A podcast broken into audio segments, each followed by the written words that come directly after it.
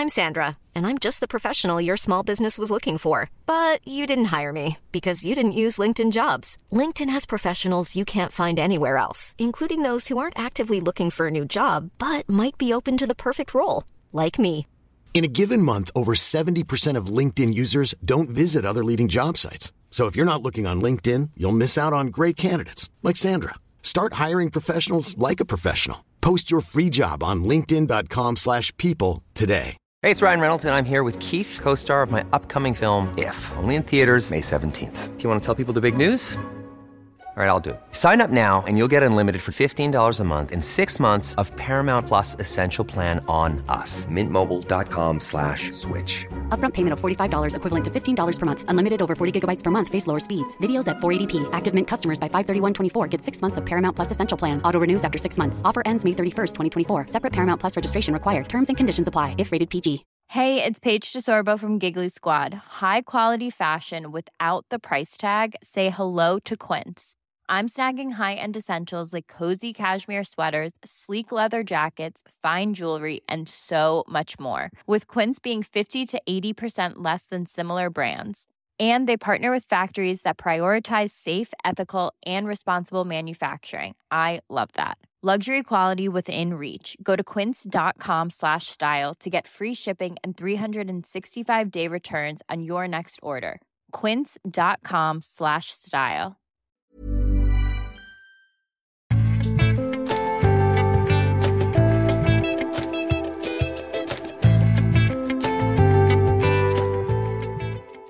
Gudslengsel, menneskeverd og ølbrygging.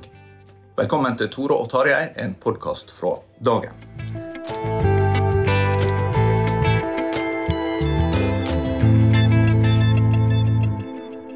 I dag har jeg, Tore Hjalmar Seivik tatt turen til Trondheim. Og her er jeg på kontoret til eh, katolsk biskop Erik Varden. Takk for at du eh, tok imot eh, meg som gjest i dag. Takk for at du tok turen. Ja, det var veldig hyggelig. Så eh, du har jo vært biskop nå i eh, Trondheim stift i tre år. I eh, 2020 kom du tilbake etter et langt utenlandsopphold. Ja, 30 år. 30 år, rett og slett. Og eh, etter du kom tilbake igjen, så har du jo vært en eh, produktiv skribent, og en som eh, har vært eh, egentlig formidla på flere måter i den norske offentligheten. Men det var ikke i utgangspunktet mye som tyder på at du skulle bli kirkeleder. Nei, det kan du si. Og, og må, det, er noe med hele det begrepet kirkeleder som jeg vel har vanskelig for å kjenne meg igjen i.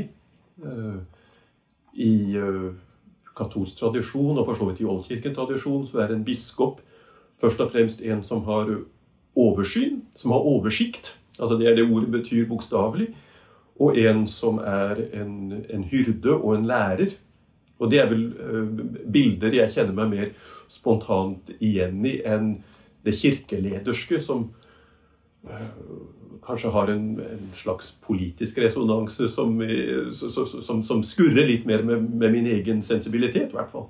Men, men du hadde ikke i utgangspunktet noe kristen identitet eller tru, sånn som du beskrev det sjøl, før du reiste ut av Norge? Jeg, jeg, jeg, jeg, ble jo døpt som barn og um, var aftenbønn på senga. Men jeg tror jeg hadde en sånn temmelig typisk norsk barndom, kristent sett. Hvor jeg vokste opp i et hjem hvor det var respekt for uh, tro og vel et slags trosgrunnlag, men hvor utøvelsen ikke var så veldig eksplisitt.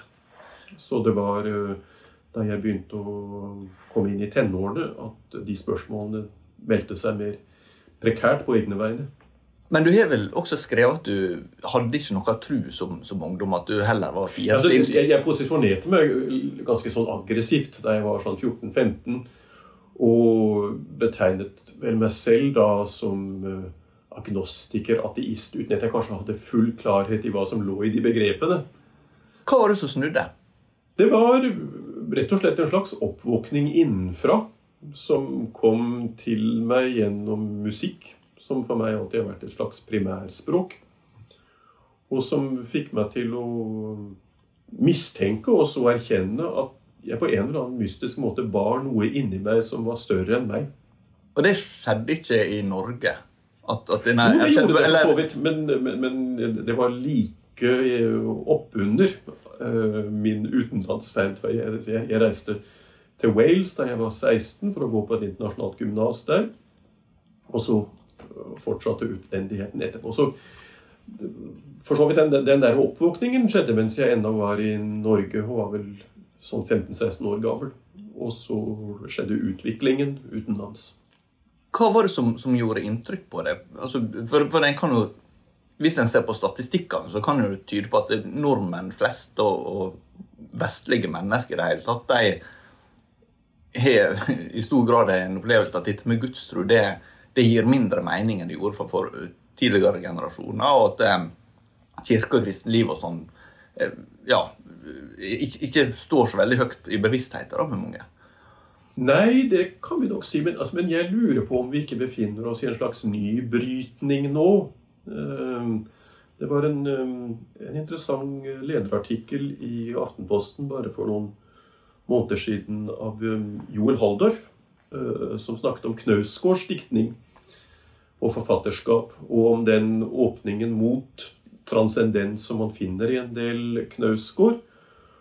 Og han reflekterte over det at eh, svensk kritikk er langt mer åpen for den dimensjonen enn norsk kritikk, som har en tendens til å avfeie det litt. Men så sier han noe interessant, for han, han kom med hypotesen om at Sverige kanskje er kommet det lille skritt lenger i sekulariseringsprosessen.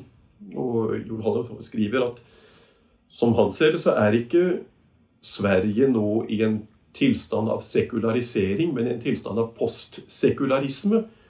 Hvor det er en slags ny norm som melder seg, hvor den nye normen ikke nødvendigvis er ateisme eller avfeiing av eller opposisjon mot tro, men en slags åpning mot mysteriet. Og jeg tror at den hypotesen har noe for seg. Jeg tror det, det, det, er, det er en slags uh, kulturell omskiftning som er på ferde nå. Du har jo bodd lenge i England. Først som eh, teologistudent i Cambridge, og senere som munk. Omtrent midt i England, Leicestershire. Ja. Ikke så langt fra Birmingham, for de som har kartet mentalt på plass. Eh, vil du si at den britiske kulturen også har noe av det samme som den svenske? At den er enda mer sekularisert enn den norske? Eller, eller er det, Ja, det, det er vanskelig. Den britiske kulturen vil jeg si opererer på andre premisser. og det er jeg vil si det er en langt mer aggressiv eh, og en slags ideologisk sekularisme eh, i England enn i Skandinavia, sånn som jeg forstår det, i hvert fall. Eh, og også i England så har, der er det jo fremdeles en slags statskirkevirkelighet som er eh, som er strukturelt til stede, og som er noe man bytter mot på en annen måte enn i Skandinavia. Så Jeg, jeg, jeg tror premissene er annerledes. Noe av det du har skrevet om, det er jo um, gudslengsel i kontrast til egentlig mennesket sin opplevelse av ensomhet. At um, det, den, eh, det var en bok du kom med i um, 2018 på engelsk som heter 'Shattering of Loneliness'. Altså det er jo eh, egentlig smadring av ensomhet, kan man kanskje si på norsk. Um, og, og den heter på norsk 'Ensomhet er mitt vesen'. eh, Og handler om Eh, Lengsel er Lengsel er mitt vesen. Ja. Unnskyld, nå Ja. husker jeg feil her. Ja. Um, og, og da lurer jeg litt på hva er det den lengselen er svar på, egentlig? Eller hva, er det, hva er handler den lengselen om? Altså, det jeg forsøker å, å utlegge i den boken, på bakgrunn eh, egentlig av en veldig gammel tradisjon altså, jeg, jeg har som utgangspunkt en tekst av Athanasius den store, en av de fire universelle kirkefedre, som jo var um, biskop og patriark Alexandria på 300-tallet. Og han ser på den lengselen som bebor mennesker, og lengsel som en opplevelse av at, at jeg bærer i meg en slags vesentlig utilstrekkelighet. Jeg, jeg, jeg, jeg higer mot noe som jeg ikke av meg selv er i stand til å nå. Jeg, jeg bærer en slags sult som ingenting, ikke noe materielt, er i stand til å mette. At det er et uttrykk for den gudsbilledligheten uh, som definerer menneskets vesen teologisk sett. Der er vi tilbake sant, helt på begynnelsen av første Mosebok og skapelsesberetningen om at, at mennesket er skapt i Guds bilde. Og det er jo et, det, det er et motiv som uh, kristne har reflektert over, og, og jøder også, i uh, tusenvis av år. Men nettopp det, det Atanasius sier, som jeg tror tilsvarer en veldig moderne erfaring, er at gudsbilledligheten melder seg som en erfaring av utilstrekkelighet. Og nettopp som en erfaring av, av ensomhet. At jeg, jeg, jeg, lengter etter et møte som jeg ikke kan definere. Og et møte med noe som er meg ukjent, egentlig. Men som da strekker meg hen imot en erkjennelse av Gud som den ultimate virkelighet. Er nok det samme C.S. Lewis inne på når han snakker om at hvis de kjenner en lengsel som ikke noe i denne verden kan tilfredsstille, så tyder det på at de er skapt for en annen verden. Ja, og det er ingen tilfeldighet at uh, da det kom en, um, en ny engelsk oversettelse av Atanasios traktat om inkarnasjonen, som uh, er teksten som jeg trekker på, hvor det motivet er til stede, at den kom nettopp med en, um, med en innledning av C.S. Lewis på om det var før eller etter annen verdenskrig, det husker jeg ikke. Men øh, C.S. Lewis var selv en som var dypt rotfestet i det atanasianske. Nettopp. Eh, hva er den eh, Hvordan kommer den lengselen til uttrykk i dag, sånn som du ser det? Altså, jeg tror veldig ofte i frustrasjon. Um, og altså, Nå skal ikke jeg begå noe overtramp inn i eh, andre disipliner hvor jeg ikke har tilstrekkelig kompetanse. Men jeg tror altså vi, vi, vi, lever jo i en tid og i et samfunn i Norge hvor vi er oss veldig bevisst en slags skjørhet i mental helse. I alle generasjoner, men det snakkes særlig mye om mental helse blant ungdom. Og vi vet at det er et, et helseproblem. Det har mange grunner, eh, strukturelle grunner, også ut fra måten samfunnet vårt eh, fungerer og ikke fungerer på. Men jeg vil nå argumentere for i hvert fall en åpenhet i forhold til at noe av den uhelsen kanskje kan ha med det å gjøre at vi ikke lenger har noen referanser, ikke lenger har begreper, bilder eller konsepter for å sette ord på den lengselen vi bærer på. Ehm, for hvis, hvis vi utgår da fra den arbeidshypotesen som, som er den kristne arbeidshypotesen, at mennesket som sådan bærer i seg selv en tørst etter Gud, som er del av vårt vesen om vi er oss det bevisst eller ikke, så vil den lengsel, den tørsten og sulten finne eksistensielt uttrykk om vi vil det eller ikke, om vi vet eller ikke hva som er den dypeste kilde. Og derfor må søker mennesket av seg selv noe som svarer på den lengselen. Og når vi lever i en samfunnsordning som stort sett, altså prinsipielt, ikke lenger anerkjenner noen slags form for transcendens, så, så lever vi med uh, ja, et slags lengselskompleks som er innesperret i oss, og som ikke får utløp, og som derfor finner frustrerte former. Altså, jeg, jeg, jeg, tror det er, uh, det er et motiv som uh, vi tjener på å ha med i bildet. Hvordan kan den kristne kirke møte dette? Altså du, nå vil jo du naturligvis tale på vegne av den katolske kirke, første mm. omgang, men også om du har noen refleksjoner som, som angår det økumeniske fellesskapet? Jeg tror først og fremst å snakke om og sette ord på den lengselen, og på noen av de symptomene som, lengs, som en frustrert lengsel kan ta, kan ta. Og så rett og slett underbygge det. Det er vel det jeg forsøker å gjøre litt i den boken eh, 'Lengsel er mitt vesen'. Underbygge det med en slags uh, erfaringsbasert utlegning av at ja, den lengselen kan faktisk ha en mening. Den lengselen som jeg opplever, den frustrasjonen som jeg opplever, at ingenting er meg tilstrekkelig. At, at jeg, jeg, lever med en slags erfaring av at ingenting kan møte meg der jeg er i mitt dypeste vesen. At den lengselen faktisk kanskje kan peke mot noe som er dypt meningsfullt, og så antyde veien som går mot det målet. Du nevnte Atanasius og, og at han skriver om inkarnasjon, det at Gud blir menneske i Jesus Kristus. Hva betyr det når vi, når vi snakker om disse spørsmålene? Så Det betyr alt. Og jeg tror det, det er så vesentlig at vi som kristne på det, altså på det planet der så er vi alle fullstendig enige. Altså Der, der dreier, seg, dreier, det seg om den um, nikenske trosbekjennelse, som er felles for alle kristne.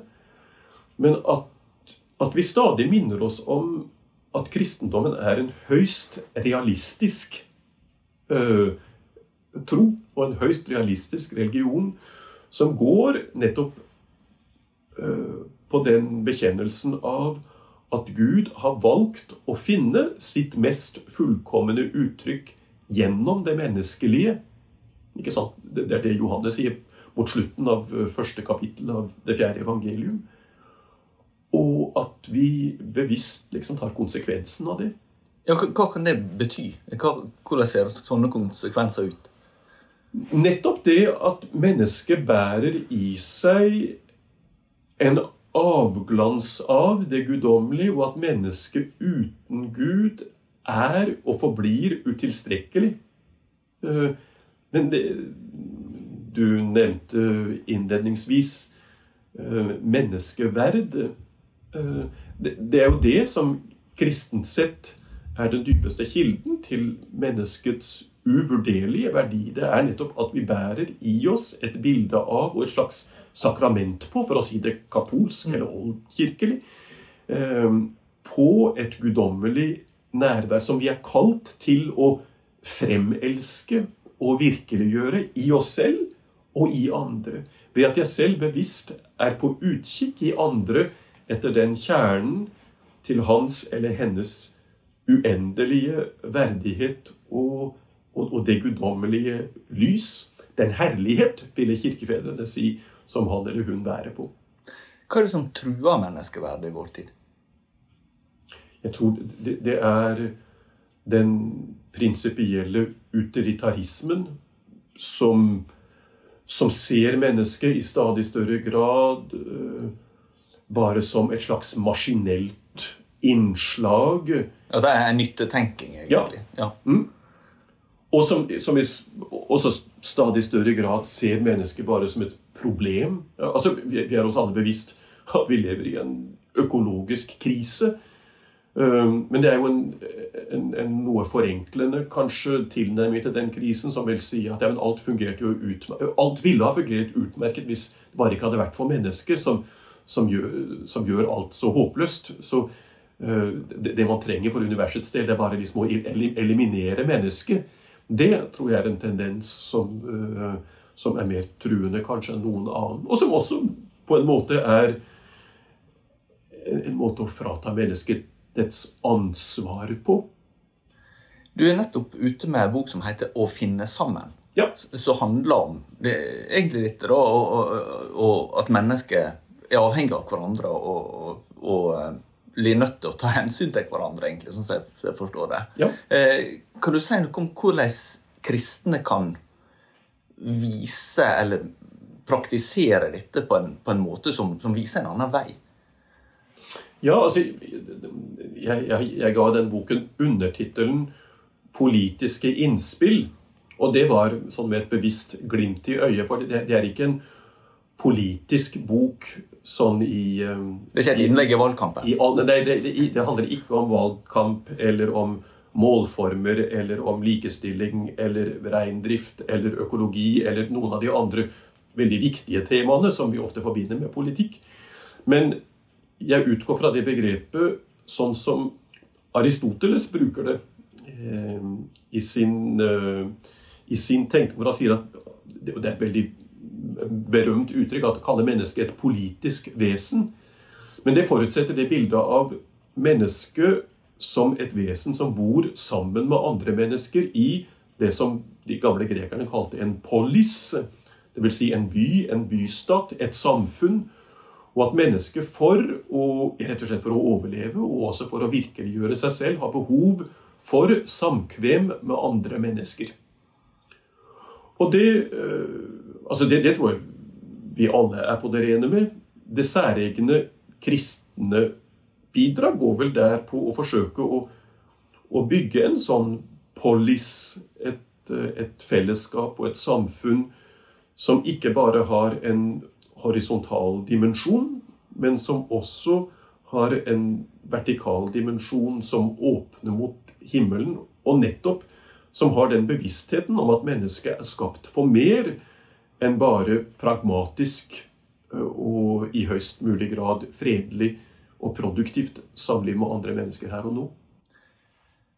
Somme vil være kanskje bekymra for at kristendommen blir redusert til en rent sånn sosialfilosofi. filosofi. mens andre vil si kanskje at eh, men, kristendom det er så, det er så fjernt. altså det, det, det, virker for et menneske i 2023 så det å snakke om himmel og, og åndelige ting. og så det, det, liksom, det angår ikke min hverdag. Hvordan greier å forene dette her med både det eh, transcendente, altså det overnaturlige, kanskje, og det helt sånn konkrete, hverdagslige. Vi, vi, må komme oss bort fra den tanken om at det finnes en motsetning, og, at, det, at, at, de to består i, eh, i, konflikt eller i dikotomi. Og der kommer vi nettopp tilbake til det inkarnatoriske igjen. Um, for den troen på altså det, det, er noe som er så slående i, den, i tidlig kristen og i kirkefedrene. For de var seg så bevisst at troen på inkarnasjonen, at Gud er blitt menneske i Jesus Kristus, har en enorm antropologisk konsekvens. Dvs. Si det har en konsekvens for min forståelse av meg selv som et menneske. Og som et menneske nettopp som er utstrakt mellom himmel og jord. Og som er kalt til å forene i meg selv det himmelske og det jordiske. Så jeg tror vi må utgå der fra en fordypning av vår personlige erkjennelse av, hvem jeg selv er. For så å kunne uttrykke på et begripelig vis og et ansvarlig vis uh, hvordan det kan uh, realiseres også i samfunn med andre mennesker.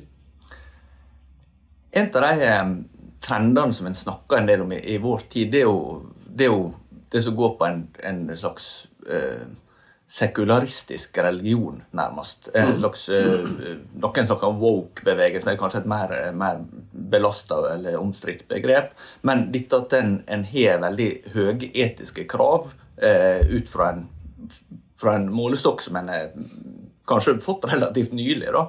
Men, men der en også har ganske lav terskel for å støyte noen ut og si at du har eh, du må bli kansellert, eller du kan ikke ha, en stemme med her fordi du har Eh, svikt. Altså, som jeg sier, dette blir en slags, eh, slags pietisme uten nåde. Ja, og, det, og, og pietisme uten nåde er grusom. Men, men, kjenner du det igjen i det som en slags kulturell trend? Det, det, er... ja, det tror jeg absolutt. Og, og, det er der jeg tror um, altså det, det, kristne, revolusjonære budskap uh, må komme frem. Um, om et samfunn nettopp på andre premisser. Og, og der, altså, der, forholder vi oss til noe som er dypt bibelsk. For det som jo er den bibelske beretning fra begynnelsen til slutt, er beretningen om hvordan en samling individer kan bli til et folk. Uh, altså Vi ser det først i Israels tilblivelse, og så, for å si det med Paulus, i det nye Israels tilblivelse. Eh, men som kan bli et folk ikke bare pga. høye idealer og forestillinger om fullkommenhet, men fordi det er en, en, et guddommelig nærvær uh, som vi samles omkring, som leder oss, fører oss, uh, og har muligheten til å virke forsoning og enhet nettopp gjennom nåde, som er en, en gave og en begavelse. For igjen, altså, Noe av det som jo er skandaløst i den bibelske åpenbaring, er at Bibelen igjen og igjen og igjen, egentlig ganske brutalt, viser oss tilkortkommelsene selv i de mest privilegerte individer i menneskets frelseshistorie. Altså Man tenker på, ja, på, på Noah, på Moses, på David. Så fremlegger Bibelen helt uten omsvøp deres menneskelige tilkortkommelser, nettopp for å vise at det kun er gjennom nåde at selv geniale individer kan realisere noe varig og, og fruktbart for, um, ja, for, for, for, menneskets salighets skyld. Og da bruker jeg begrepet salighet både som noe som er hinsidig og, og jordisk. Du har jo et interessant nabolag her eh, rundt eh, kontoret ditt. For eh, omtrent vegg i vegg eller rett ved gata så holder baptistene til. Og så er det Frelsesarmeen, og litt lenger bort er pinsevennene. Og synagogen. Og synagogen er også mm. her. Og så har vi jo egentlig utsikt til Nidarosdomen. Det er ikke langt i luftlinje dit. Nei. Hvordan har du opplevd å komme inn i det felleskristne? Eller kontakter med andre kristne etter du kom tilbake til Norge? Jeg har opplevd det som, eh, som, veldig hjertelig, og jeg har fått en veldig, en veldig varm velkomst. Og jeg, jeg, jeg opplever at, at, det der er en eh, Det, det, det er et, et, samvær og et samarbeid som er preget av, av respekt. Hva tenker du at kristne i Norge trenger å samarbeide om? Altså jeg tror på det veldig sånn konkrete plan, og det er noe vi forsøker å, å gjøre bare her i Trondheim, det er å samarbeide om, om det karitative og det konkrete. For, det, for det, det, er jo et faktum at selv i vår hypervelferdsstat uh, så er det jo store menneskelige behov, og også nå i tiltagende grad et reelt uh, fattigdomsfenomen uh, som trenger konkret hjelp. Og der prøver vi jo eh, gjennom, gjennom vår organisasjon, katolske organisasjon Caritas, å samarbeide med, eh, med, de andre kristne velferdsorganisasjonene, Frelsesarmeen, Liten Bymisjon osv. her i byen for å, å, trå til der hvor det trengs. Men jeg tror vi trenger jo også i, en, i en kulturell, et kulturelt klima hvor det kristne og religiøse blir stadig mer marginalt, så trenger vi å samarbeide om å vitne om og fremlegge det, det, det, kristne budskapet, noe som er troverdig og realistisk. Denne veka så lanserte du også eh, Jeg vet ikke om det er nytt kirkehistorisk i Norge, men du lanserte rett og slett ditt eget øl. Ja, Det er ikke mitt øl. Det, er, det er et samarbeidsprosjekt som jeg har vært privilegert å få delta i. Eh, og for, eh, jeg, nevnte det for deg før vi begynte opptaket, at jeg hørte en, en engelskmann fortelle en vits en gang, eh, apropos naboen din med baptistene, at en, en, baptist det var en person som aldri noen gang, ikke under noen omstendigheter, to, drakk en eneste dråpe alkohol mens en annen baptist så på. Oh, ja. Eh, men, men eh, Somme vil jo tenke er det noe vi virkelig ikke trenger mer av i samfunnet, så er det mer alkohol. Hvordan tenker du om det? Jo, det er jeg for så vidt enig i. Øh, og det, det, er Altså, hva alkoholen kan føre til når den misbrukes, øh, vet vi altfor godt. På den annen side så er jo øl, vin, er noe som inngår i menneskets kulturhistorie fra begynnelsen av. Og vi leser i Skriften om den vin som gleder menneskets hjerte. Vår Herre innstiftet nattverden med vin. Det kommer vi bare ikke bort fra. Samme hvor sofistikert vår eksegese måtte være. Og ølet og vinen har jo også en, en næringsdimensjon og en fellesskapsskapende dimensjon som er uh, av viktighet. Dette har jo sammenheng med din bakgrunn. Eh, kan du si noe om det med den type Munch som du er? Altså, jeg, jeg, tilhører jo sistersienserordenen av den strenge observans, som ofte kalles for trappister. Eh, fra et stedsnavn, rett og slett. Klosteret La Trappe i Frankrike, som har hatt en, en, viktig betydning for vår orden. Og der er det en, en lang bryggetradisjon eh, forbundet særlig med våre klostre i Belgia og Holland, hvor øl ja, på ja, på, i, i, middelalder og også inn i moderne tid, var en, en, en, veldig vanlig drikt, som det også var på norske bondegårder. Og det hadde rett og slett med å gjøre at på en tid så var drikkevann øh, utrygt. Og et distillat var en måte å rett og slett å forsikre at man kunne få et, et drikkbart og næringsrikt fludium, som jo var lave prosent. Men våre belgiske medbrødre liker å understreke at et, et, et godt øl skal være ikke farvet vann, men flytende brød. Eh, og det er eh, altså den dimensjonen der av, av ølet som en næringsrik og en sunn drikk som har hatt en, en viktig betydning i monastisk tradisjon. Eh, hvordan tenker du i praksis da om, om det med det diakonale eller karitative som vi var inne på tidligere, og ja, å, å, møte de som har et, rusproblem, da, med, med, det å ta vare på eller videreføre den tradisjonen. Hvordan lever den spenninga? Ja, altså det, det, er ved å, å, å, brygge og nyte og markedsføre ansvarlig. Um, men jeg ser jo også, det, det, så jeg både da vi for altså Grunnen til at jeg ble invitert inn i dette her prosjektet sammen med tre bryggerier her i Trondheim, var at jeg har en slags bryggerfortid. Eh, mitt kloster i England grunnla et bryggeri for en ti år siden. Eh, så jeg hadde veldig mye med det å gjøre. Og det, var en, en, ekstremt spennende og interessant erfaring. Og jeg erfarte ikke minst hvor trivelig bryggermiljøet er, og hvor eh, åpent og hjelpsomt det er. Jeg har aldri møtt annet enn at håndverksbryggere gjerne deler sin egen erfaring, sin egen ekspertise, eh, sitt eget utstyr for å hjelpe andre.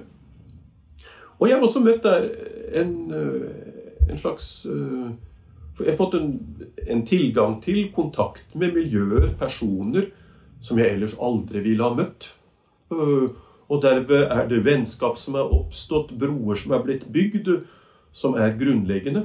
Vi utgikk fra du, du, du, nevnte det der med at en biskop er en kirkeleder, som jeg uttrykte en viss reserve i forhold til. Men eh, altså, i, i, i gammel tradisjon så kaller man jo en biskop for en pontifex.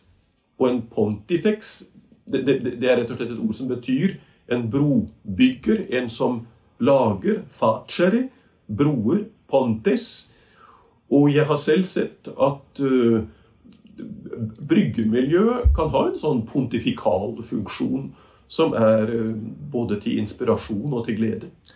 Hvordan tenker du om det for andre kristne? For, for jeg, eh, Det slår meg at det, det, det, du nevnte tidligere om at kristendommen oppleves å bli mer marginal, og, og, og sånn kulturelt, da, at den er ikke så på en måte selvsagt på torget kanskje som, som tidligere, så kan det være et inntrykk som jeg til meg som journalist i dagen, f.eks., at mange kristne er mye bekymra for hvordan måte, kristendommens kår skal bli i samfunnet, mm. og at fristelsen til å isolere seg mm. kan være ja, høyst reell. Mm. Eh, hvordan tenker du om det, basert på de erfaring med måte, kontakt med helt andre typer miljøer?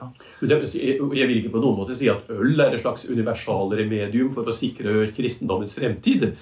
Ehm, men det er bare ett bitte lite eksempel blant andre eksempler, men noe som vi har opplevd og opplever stadig i, vår uh, lille forretning i klosteret, som stort sett er en bokhandel, men som også selger vår honning, vår keramikk og nå også vårt øl, er at da vi begynte å selge det ølet, så kom det plutselig mennesker til bokhandelen som ellers aldri ville drømme om å gå inn i en kristen butikk men som kom dit kanskje med en grad av bekymring. Fordi altså, livet er komplekst. Mange mennesker har komplekse liv.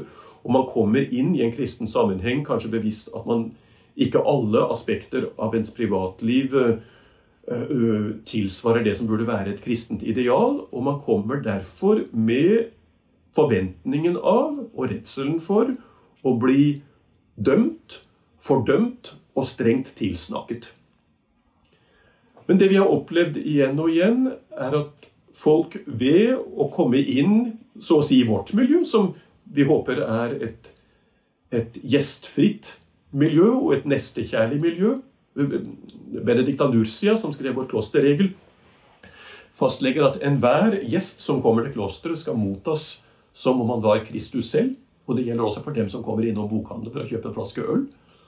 Men at man da kommer inn i denne her fremmede kristne verdenen og møter ikke streng moralisme, men du møter et, en gjestfri mottagelse hvor munkene har tilstrebet seg på å lage et kvalitetsprodukt som er ment å kunne bringe glede til den som kommer.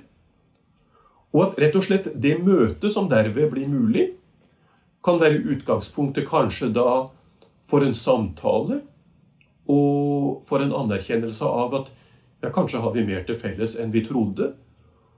Og det skjer ofte det at den som kommer inn i sjappa for å kjøpe en flaske øl, blir værende og snakke om eh, livets mening. Og det tror jeg er ett eksempel på hvordan vi kan bygge broer til et uh, samfunn hvis uh, frustrerte lengsel kanskje har glemt å tenke på oss som kristne som mulige bærere av et svar. På nettsida di, Koram Fratribus, Fratribus, er det det? Fratribus. Fratribus, mm. ja. Eh, så, så, innleder du med å være katolsk handler om å være gjestfri. Mm -hmm. er det litt av det du egentlig ser her? Ja, i høyeste grad. Og jeg ser på det som et veldig evangelisk motiv, egentlig. For det, altså, det er noe som blir eh, utdypet igjen og igjen og igjen i, eh, i Herrens lignelser, er nettopp det at å være, å, være, å være, kalt inn i Guds rike, det er å være kalt til et bord hvor det er plass til, og sågar et navnekort som designerer enhver. Men enhver må velge å komme inn og sette seg ved det bordet. Og jeg må selv huske at min plass, som jeg kanskje tar for gitt, ikke er meg garantert pga. noen slags innbilte meritter jeg måtte ha, men som en pur gave og som en pur nåde. Og dette begrepet, for å ta det til slutt, da eh, Koram fratibus, eh, fratribus mm. eh, Det er lenge siden jeg tok et lite kurs i latin, så det er mye, mye jeg glemt. Men, men eh, det betyr jo 'sammen med mine brødre'. Ja, eller, eller, egentlig 'ansikt til ansikt med ja. mine brødre'. Det, det er et, et, et, sitat fra en preken av Gregor den store. Nettopp. Kan du til slutt si noe om hvorfor du har valgt akkurat det?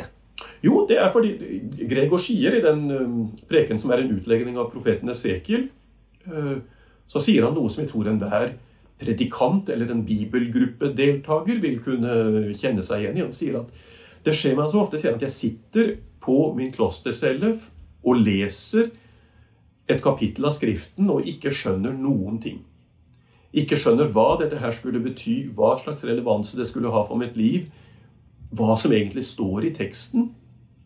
Men så, sier han, så skjer det at jeg går ned i kirken, og der, ansikt til ansikt med mine brødre, coram fratribus, hører jeg teksten igjen som en tekst som ikke bare adresserer seg til meg, men som adresserer seg til oss.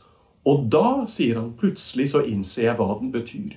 For jeg innser at Guds ord ikke lar seg privatisere, men at det er rettet til oss som fellesskap for å skape nettopp av det fellesskapet en enhet.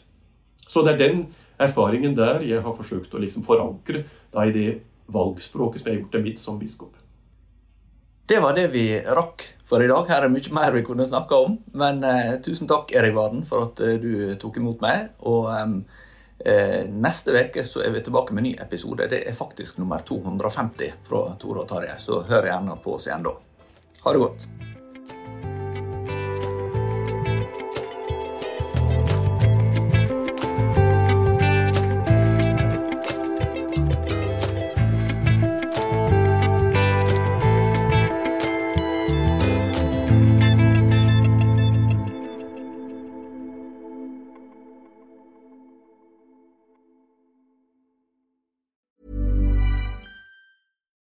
It's Paige DeSorbo from Giggly Squad. High quality fashion without the price tag. Say hello to Quince. I'm snagging high-end essentials like cozy cashmere sweaters, sleek leather jackets, fine jewelry, and so much more. With Quince being 50 to 80% less than similar brands. And they partner with factories that prioritize safe, ethical, and responsible manufacturing. I love that. Luxury quality within reach. Go to quince.com slash style to get free shipping and 365 day returns on your next order. Quince.com slash style.